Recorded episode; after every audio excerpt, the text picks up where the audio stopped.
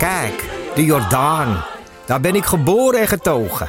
De nieuwe Nederlandse musical Onze Jordaan van Diederik Ebbingen is dit najaar in de theaters te zien. Koop nu uw kaarten op onzejordaan.nl.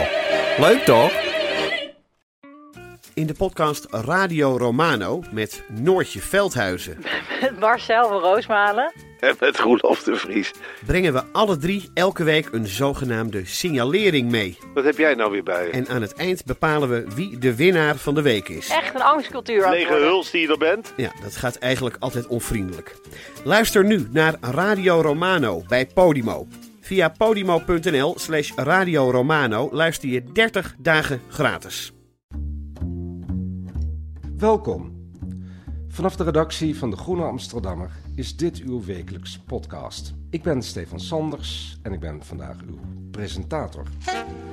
Mijn gast vandaag, journalist en historicus Niels Matthijssen, die een lang stuk schreef in De Groene van deze week over de slavernij-tentoonstelling in het Rijksmuseum in Amsterdam. Ik moet het eigenlijk even beter zeggen, want eh, eigenlijk gaat het stuk over het maken de making of, het maken van die inmiddels Ja. beroemde tentoonstelling in het Rijksmuseum Precies, in ja. Amsterdam. Hartelijk welkom, eh, Dankjewel. ehm, Niels. Ehm, jij bent historicus. Ja. Lag dit onderwerp in lijn van waar je al mee bezig was bent? Eh, Ehm, eh, dit is niet mijn expertise, slavernijverleden en helemaal niet in een museale context. Ik ben op dit moment eh, een proefschrift aan het schrijven over Ponke Prinsen, een Nederlandse soldaat die deserteerde in de oorlog in Indonesië. Eh, dus dat eh, is ook koloniale geschiedenis zou je kunnen zeggen, maar echt al een ander onderwerp. Ehm, nee, dit is niet mijn, eh, mijn specialisatie, hoewel ik er wel al eerder over schreef voor De Groene, maar dan echt journalistiek. Nou, en, en dit verhaal, want ik, wat ik zo bijzonder vind, we vergeten wel eens dat het vroeger heel anders liep. De laatste jaren zien we in grote musea dat we het concept van de curatoren, dus van de mensen die die tentoonstelling hebben gebouwd, kunnen volgen. Ja, En vroeger was er gewoon een tentoonstelling, pats boem. Ja. Geen verantwoording. ja. Maar nu ook weer, jij hebt het ook gedaan, je hebt echt het, het, het maken, het creëren van die tentoonstelling belicht. Ja. Dat is heel bijzonder. Ja, absoluut. Eh, ook heel fijn dat dat mocht. Ehm, ik moet zeggen dat eh, ik geïnspireerd ben door een andere journalist, ehm eh, Carolien Knols. Eh, zij schreef een artikel voor de Volkskrant over ehm, een tentoonstelling in het Designmuseum in Den Bosch. En dat ging over nazi-design. Eh, design van het Derde Rijk heette dat. En zij schreef in een artikel ehm, over die totstandkoming van, dat, eh, van die tentoonstelling. Ze volgde de directeur Timo de Rijke en eh, curator Almar Seijnen. Eh, die gingen naar Berlijn om daar in allerlei archieven en depots te gaan kijken wat ze nou in die tentoonstelling wilden laten zien.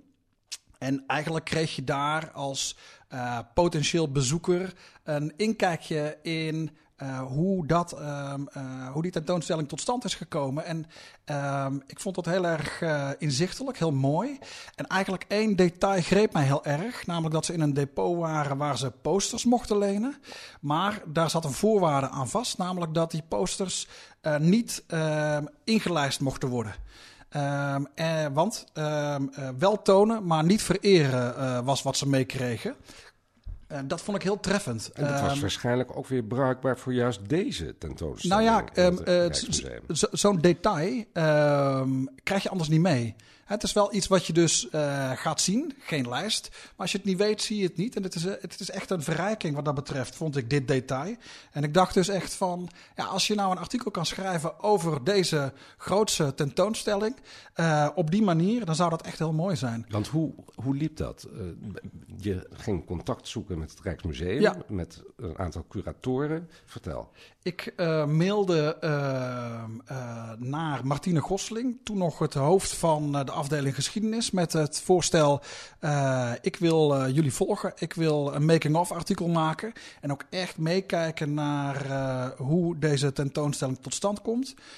En ik, ik had eigenlijk al meteen het idee dat ik de ambachtelijke kant, eh, noem ik het maar, van eh, het curatorschap eh, wilde ehm, ja, bevragen en onderzoeken.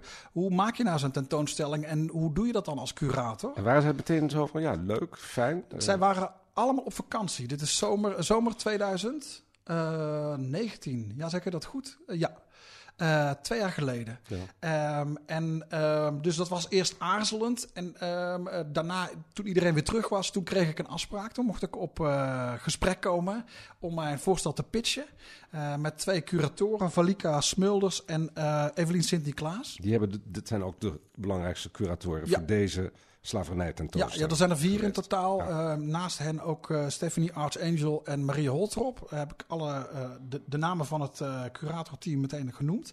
Um, uh, en daar zat iemand bij van uh, de press office. Dus we zaten daar met z'n vier in een heel klein kamertje. Helemaal niet zo glorieus als het Rijksmuseum van binnen eruit ziet. Uh. En ook nog pre-corona, neem ik aan. Allemaal pre-corona. Ja, ja. pre corona had nog nooit iemand van gehoord, nee. tenzij je erg van bier had. maar nee, dat was pre-corona, ja. nou. Weet jij, dat is even mijn gedachte. Ja? Van waar deze omslag in het museumbeleid bij heel veel musea overal uh, ter wereld. Uh, om verantwoording af te leggen over hun keuzes. Wat, wat is dat? Ik denk dat dat een bredere tendens is. Hè, een soort van democratisering van de geschiedschrijving. Um, dat, uh, nou ja, uh, hiervoor was er een, uh, laat ik het op het Rijksmuseum betrekken. Hiervoor was er een tentoonstelling Goede Hoop. En, Over Zuid-Afrika, ja, de geschiedenis Nederland, Zuid-Afrika. Ja, precies. En ehm, eh, ik heb het daar ook over gehad met verschillende mensen. Het Rijksmuseum benadrukt eh, dat die ook wel succesvol was. En dat klopt ook. Veel aandacht, veel bezoekersaantallen. Maar er was ook kritiek. En ook best wel pittige kritiek van, van ehm, sommige mensen. Een, een brief van heel veel experts. Dat deze tentoonstelling toch wel wat tekortkomingen had. En bijvoorbeeld um, uh, dat het een heel wit curatorenteam had.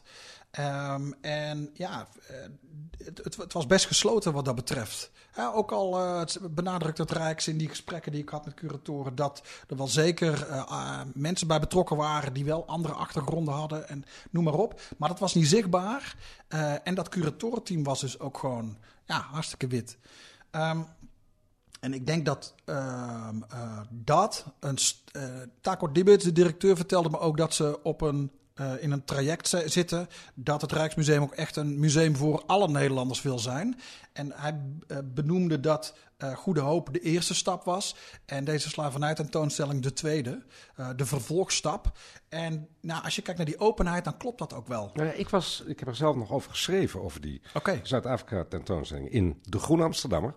Um, ik was heel enthousiast mm -hmm. over die tentoonstelling. Ik weet ook van die kritiek. Ja. En die hebben ze zich kennelijk dus aangetrokken. Absoluut. In dit geval. Ja. ja. Zijn er dus ook nieuwe curatoren gekomen? Ja. Mensen van kleur. Is dat het verhaal dan? Ja, het, het, ver, het verhaal is uh, ja, niet per se van kleur, maar mensen die uh, uh, een, een iets meer, iets anders kunnen brengen, wat achtergrond en expertise. Een andere ervaring. Ja, Bijvoorbeeld Stephanie Archangel, de eerste zwarte uh, junior conservator van het Rijksmuseum. Maar niet alleen uh, omdat ze zwart is, maar gewoon omdat ze heel goed is. Ze heeft uh, zwart in Rembrandts tijd onder andere ge gemaakt. en ze heeft in het Rijksmuseum ook um, de tentoonstelling over de 80-jarige oorlog, de opstand, uh, gemaakt. En het interessante. Uh, de opstand van de Republiek tegen ja, Spanje. Ja, precies. we moeten toch even herhalen. Ja, nee, hoor, nee want, zeker. Ja, ja, nee, laat, laten, we dat, uh, laten we duidelijk zijn.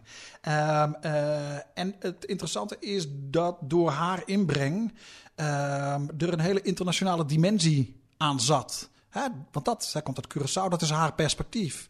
Zij, uh, heeft een, een, zij bracht dus een ander perspectief mee. Uh, zij is ook geen kunsthistorica uh, of historica, maar socioloog.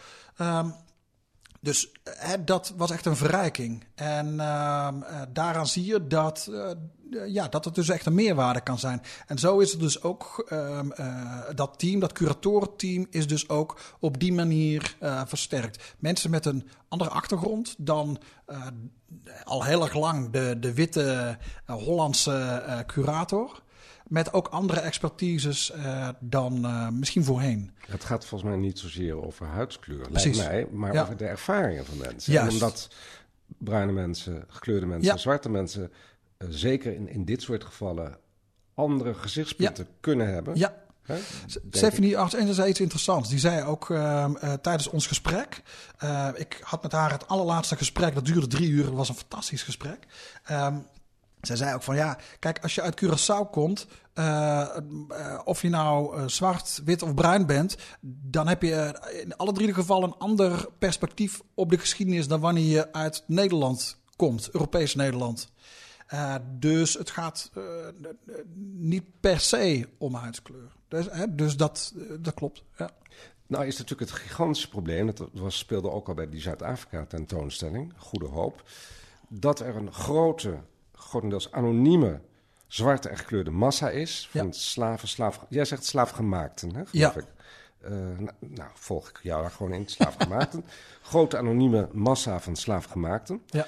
Die heel weinig, uh, althans tastbaar, hebben nagelaten. Ja. Geen schrift, over het algemeen. Wel uh, orale cultuur, maar die is, dat, dat is heel vluchtig. Ja.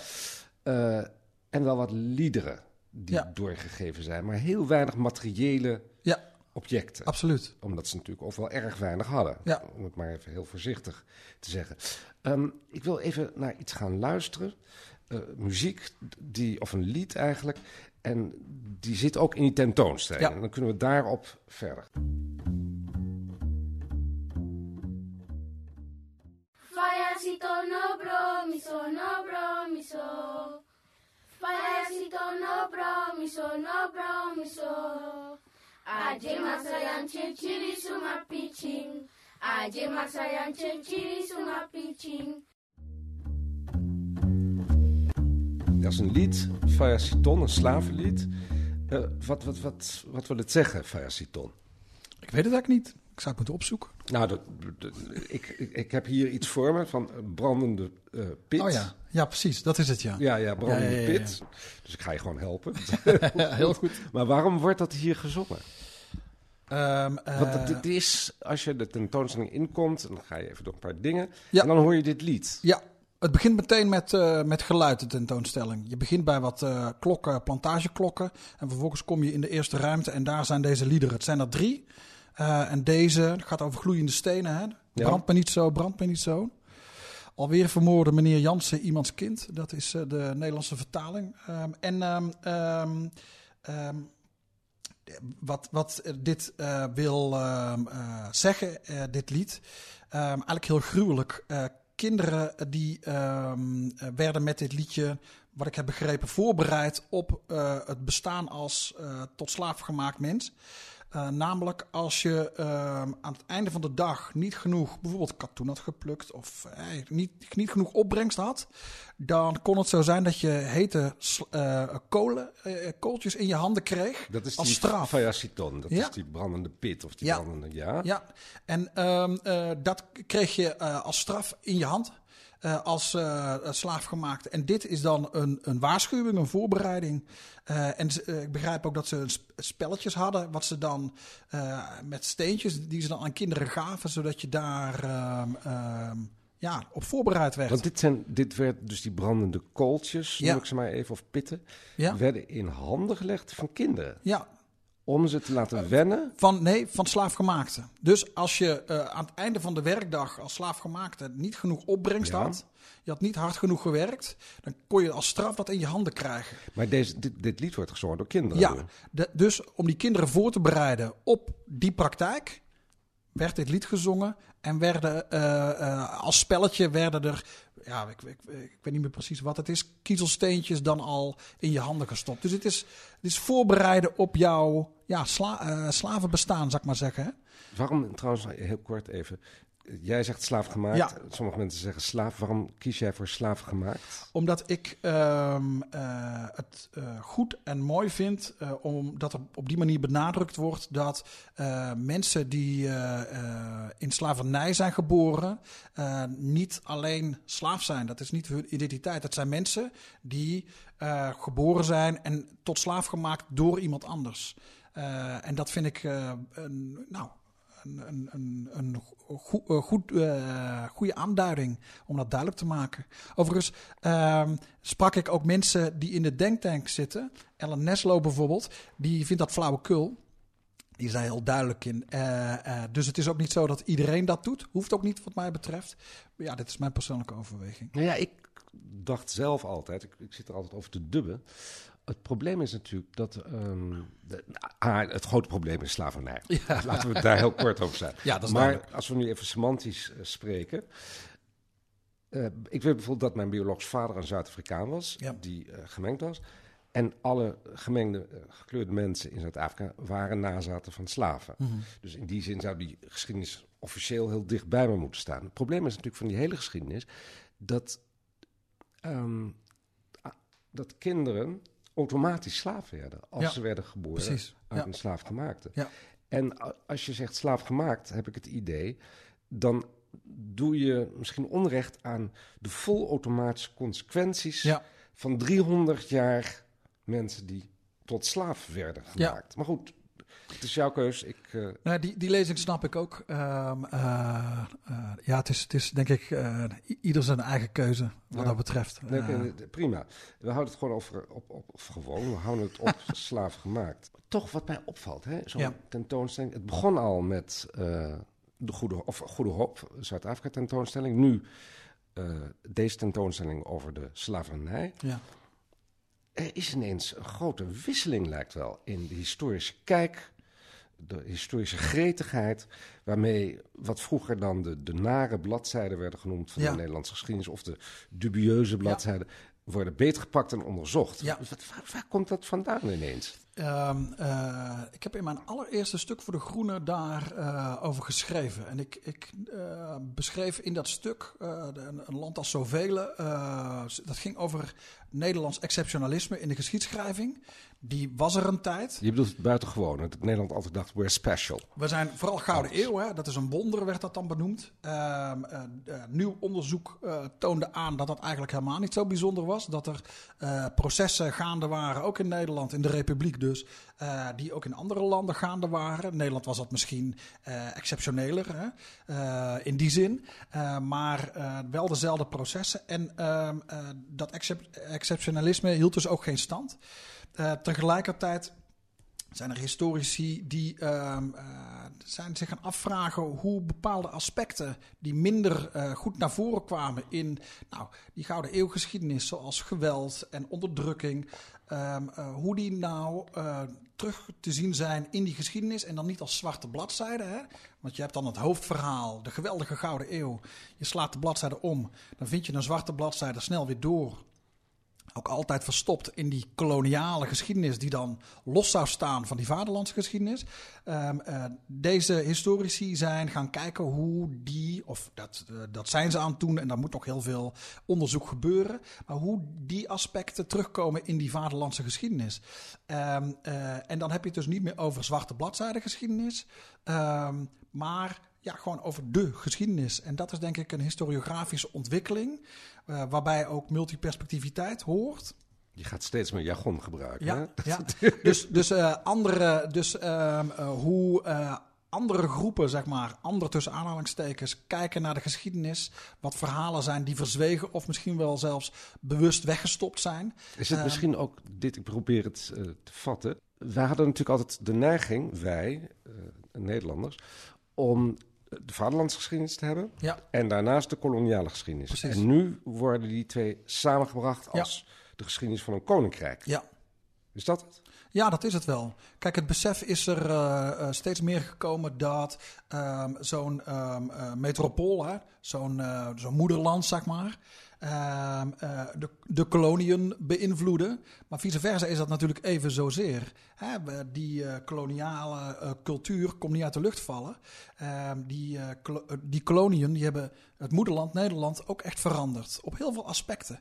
Ehm, dus die, eh, die scheiding tussen koloniale geschiedenis, ver weg, gruwelijke dingen, en nabij, ook fantastisch Nederland, eh, vooruitstrevend en koopmanschap, eh, dat is een hele ja, kunstmatige scheiding. En ehm, ehm, ja, ik, ik denk dat het heel goed is en heel interessant vooral ook om ehm, eh, deze ontwikkeling te zien. Want ja, we komen zo meer te weten over dat verleden. Eh, en dat is denk ik eh, die historisch, eh, historiografische ontwikkeling die denk ik heel goed is. Wat, wat is nou het, het, nieuwe, het andere ehm, accent wat in deze tentoonstelling over slavernij wordt gelegd? Nou, in, dat, in dat hoofdverhaal, dat Gouden Eeuwverhaal, ehm, eh, waren tot slaafgemaakte mensen, nou ja, handelswaar. Hè? Ze waren bezit. En eigenlijk hebben historici heel erg lang uh, die koloniale bril niet helemaal afgezet. Ze hebben die slavernij, die, uh, die slavenhandel heel erg lang uh, als economische geschiedenis gezien. En daar werden wel op- en aanmerkingen bij gemaakt, maar dat bleef toch nog wel de hoofdmoot. En je ziet de laatste jaren dat er veranderingen komt. En deze tentoonstelling laat die een, een, aantal, tien, het zijn er eigenlijk meer, maar verschillende personages echt zien tot slaafgemaakt echt zien als mens. Uh, daar zit ook een risico in, uh, in de visualisering van die uh, slavernijgeschiedenis. Maar goed, laten we niet meteen. nou, maar ik vind het wel mooi, want het is een dilemma namelijk. Ja. En dat dilemma zal ook gespeeld hebben binnen het team van het Rijksmuseum. Ja, want het is dus altijd zo dat je die individuen hebt. Mitchell Assayas ehm, benoemde dat laatst ook. Wie moet je even vertellen wie dat is? Dat is de oprichter van onder andere de Black Archives. Zat ook in de Denktank. Uh, de, uh, de klankbordgroep uh, van deze slavernij tentoonstelling. Hij zei in een, volgens mij een interview bij de NOS dat het risico van individualisering ehm, dat dat wel serieus is, want ehm, er zit natuurlijk een heel systeem omheen ehm, waar geweld en, en ja, de, de, aan de orde van de dag is. En waar dat economische gewin de, de leidraad is. En dat moeten we natuurlijk niet vergeten. Dat vond ik een hele goede opmerking, terechte opmerking ook. Maar dat um, tot slaafgemaakte mensen ook echt als mensen worden gezien. Ja, dat is denk ik wel. Um... Dus niet alleen maar als economisch gewin. Precies. Profijt bezit. of bezit of deficit misschien zelfs. Ja, ja, maar ja, de vermenselijking van de in jouw woorden slaafgemaakt. Ja, kijk, er is, uh, was een aantal jaar geleden een uh, onderzoek van onder andere het ISG, waarin werd berekend wat nou ISG, de uh, Internationaal Instituut voor Sociale Geschiedenis hier in Amsterdam, ehm, die hebben berekend wat nou ehm, de waarde was van de slavernij voor Nederland. Nou, dat was een geruchtmakende studie, maar daar kwam ook kritiek op van een enkeling. Die zeiden van ja, eigenlijk is het nog steeds die koloniale kijk. Hè, want het gaat nog steeds om economie winst, handel. Um, en um, hoewel hier nu wel mee aangetoond is dat uh, die slavernij best een, uh, een imposante uh, impact had op Nederland, eh, betekenis had, ja, is het nog steeds diezelfde ja, koloniale kijk ten dele. En dat, dat, daar heb ik toen wel over nagedacht. Dat je een mens verdingelijkt. Ja, het zijn nog steeds geen mensen. Mensen van vlees en bloed waar we het over hebben, die vreselijke dingen is aangedaan. Nou, dat vond, dat, ik vond dat onderzoek erg imposant, goed uitgevoerd. Hè? Uh, maar dat vond ik wel een, een, een goede opmerking uh, daarbij. En ik denk dat uh, deze tentoonstelling in het Rijksmuseum dat in ieder geval niet verweten kan worden. En dat is denk ik een belangrijke stap voorwaarts. Wat bijzonder is, is dat er, ik zei al, de grote problemen zijn natuurlijk dat er heel veel anoniem is gebeurd. Dat er heel weinig materiële bezittingen zijn, voorwerpen zijn die je kan tonen. Maar de tentoonstellingsmakers hebben ervoor gekozen om personages te maken. Hoe hebben ze dat gedaan? Hoe hebben ze dat gedaan? Um, uh, toen ze het team compleet hadden, zijn ze eigenlijk, uh, wat ik begrijp, lijsten gaan maken. Mm -hmm. uh, met daarop personages die interessant zijn. Um, ik lees en... Wally. Wally is, uh, is uh, een van die personages. Ja. Wie is eh, dat? Wally is een tot slaaf gemaakte man die ehm, op een plantage verbleef, woonde, werkte in Suriname. die plantage was van, van Witse, een Amsterdamse ja, ehm, rijke. en het is namelijk ook de titel van je stuk, hè, in ja, de groene. De wereld ja. van Wally de wereld van Witse, die je aanvankelijk niet begrijpt. Uh, wel als je dat stuk hebt gelezen. Dus Wally was de slaafgemaakte. Ja. Witse was de zogenaamde ja. eigenaar van ja. deze ja. man. Die overigens nooit in Suriname is geweest. Dat is interessant. Uh, die nooit in Suriname uh, is geweest. En um, uh, het interessante aan, uh, en het, het, het, uh, het goede voorbeeld aan deze twee is, dat werd ook door die denktank tegen deze curatoren gezegd, is dat je een slaafgemaakte nooit alleen kan zien. Net zo goed als je een eigenaar van slaven nooit op zichzelf kan zien in dit slavernijsysteem. Er zit een, ja, een afhankelijkheid tussen die twee. Ik wil even iets laten horen. Ja, mooi. Opname 487.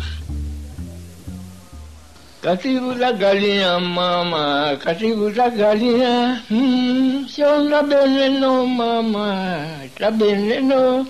Katibu la galia mama, katibu la galia. Hmm, no la cloca show mama. Mirakuma papia show mama, katibu la galia. Hmm, tibu la galia mama, katibu la galia.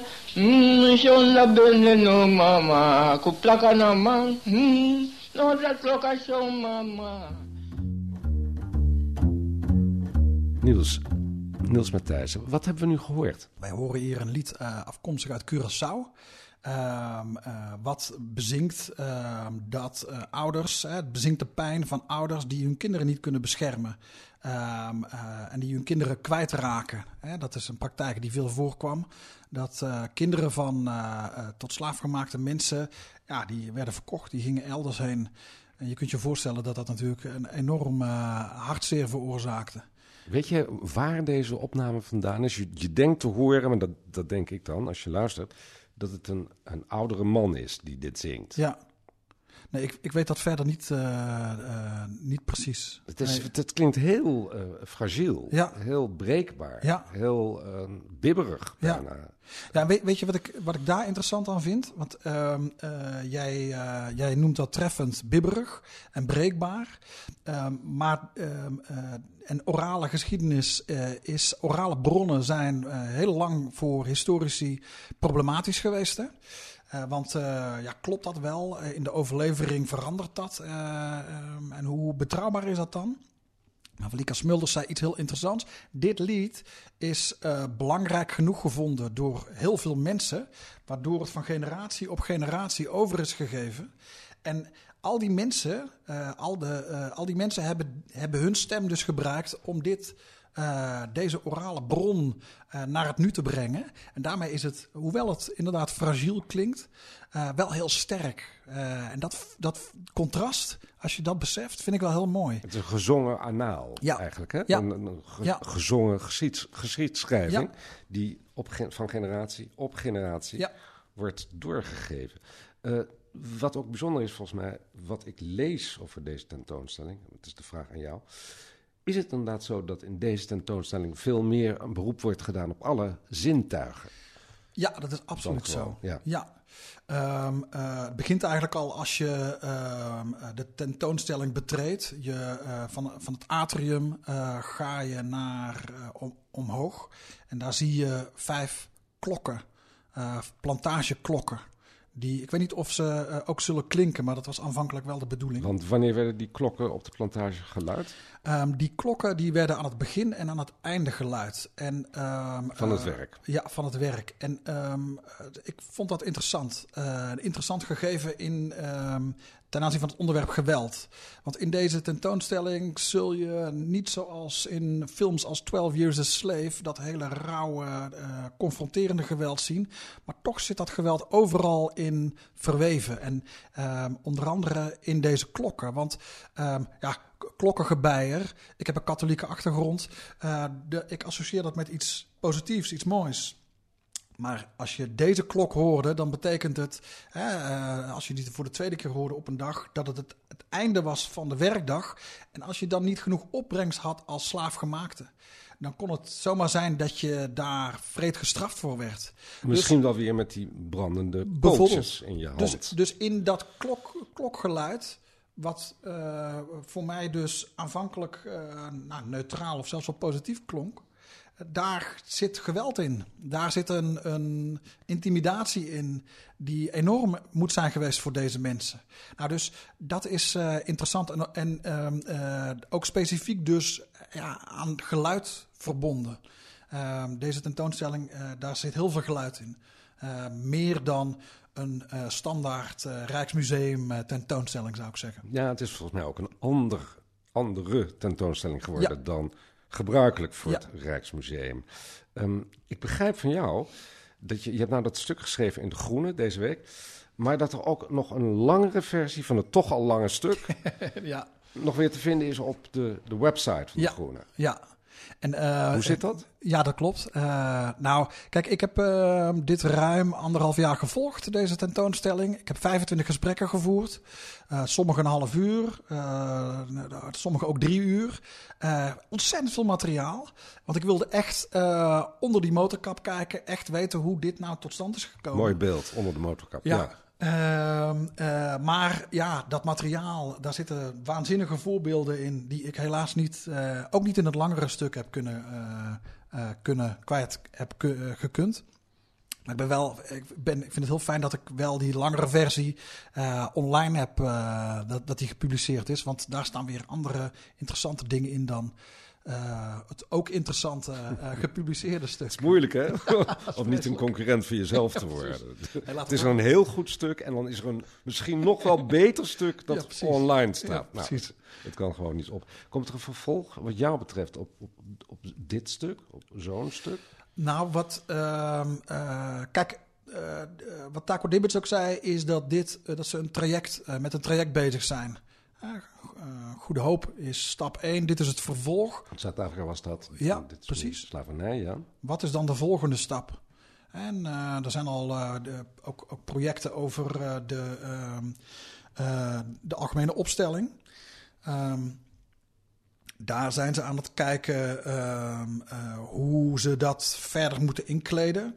Uh, nu hangen er gedurende het komende jaar bij heel veel uh, objecten, schilderijen hangen twee bordjes. Dus één uh, die er standaard hangt en het andere uh, met een dimensie van die slavernijgeschiedenis erbij.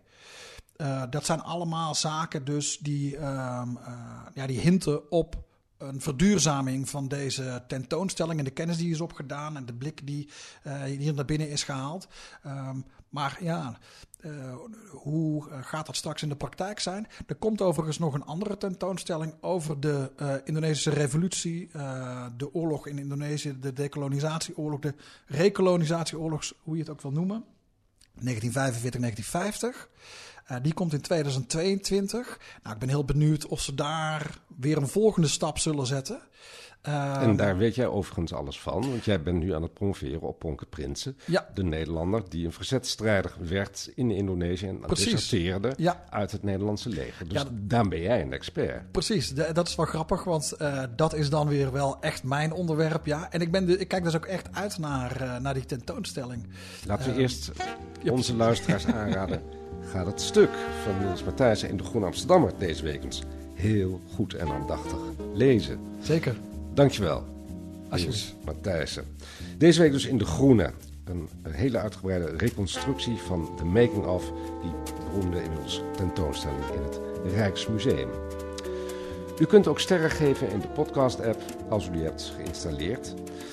En goed nieuws misschien, we hebben een nieuwe speciale podcast gemaakt... in samenwerking met het Holland Festival... waar we spreken met makers, kenners en critici van en over het festival... Die kunt u vinden onder de naam De Groene Amsterdammer Holland Festival Podcast op alle bekende podcastkanalen. Of, en dat lijkt mij eigenlijk simpeler, of op groene.nl. Volgende week zijn we er weer met een podcast over achtergronden en analyses van het nieuws en de essays. Deze week werd de Groene podcast gemaakt door Samira Atay, Giselle Mijnlief en Stefan Sanders. U hoort nu onze eindtune, A Tune for Anne van Paul van Kebenade. Tot de volgende podcast.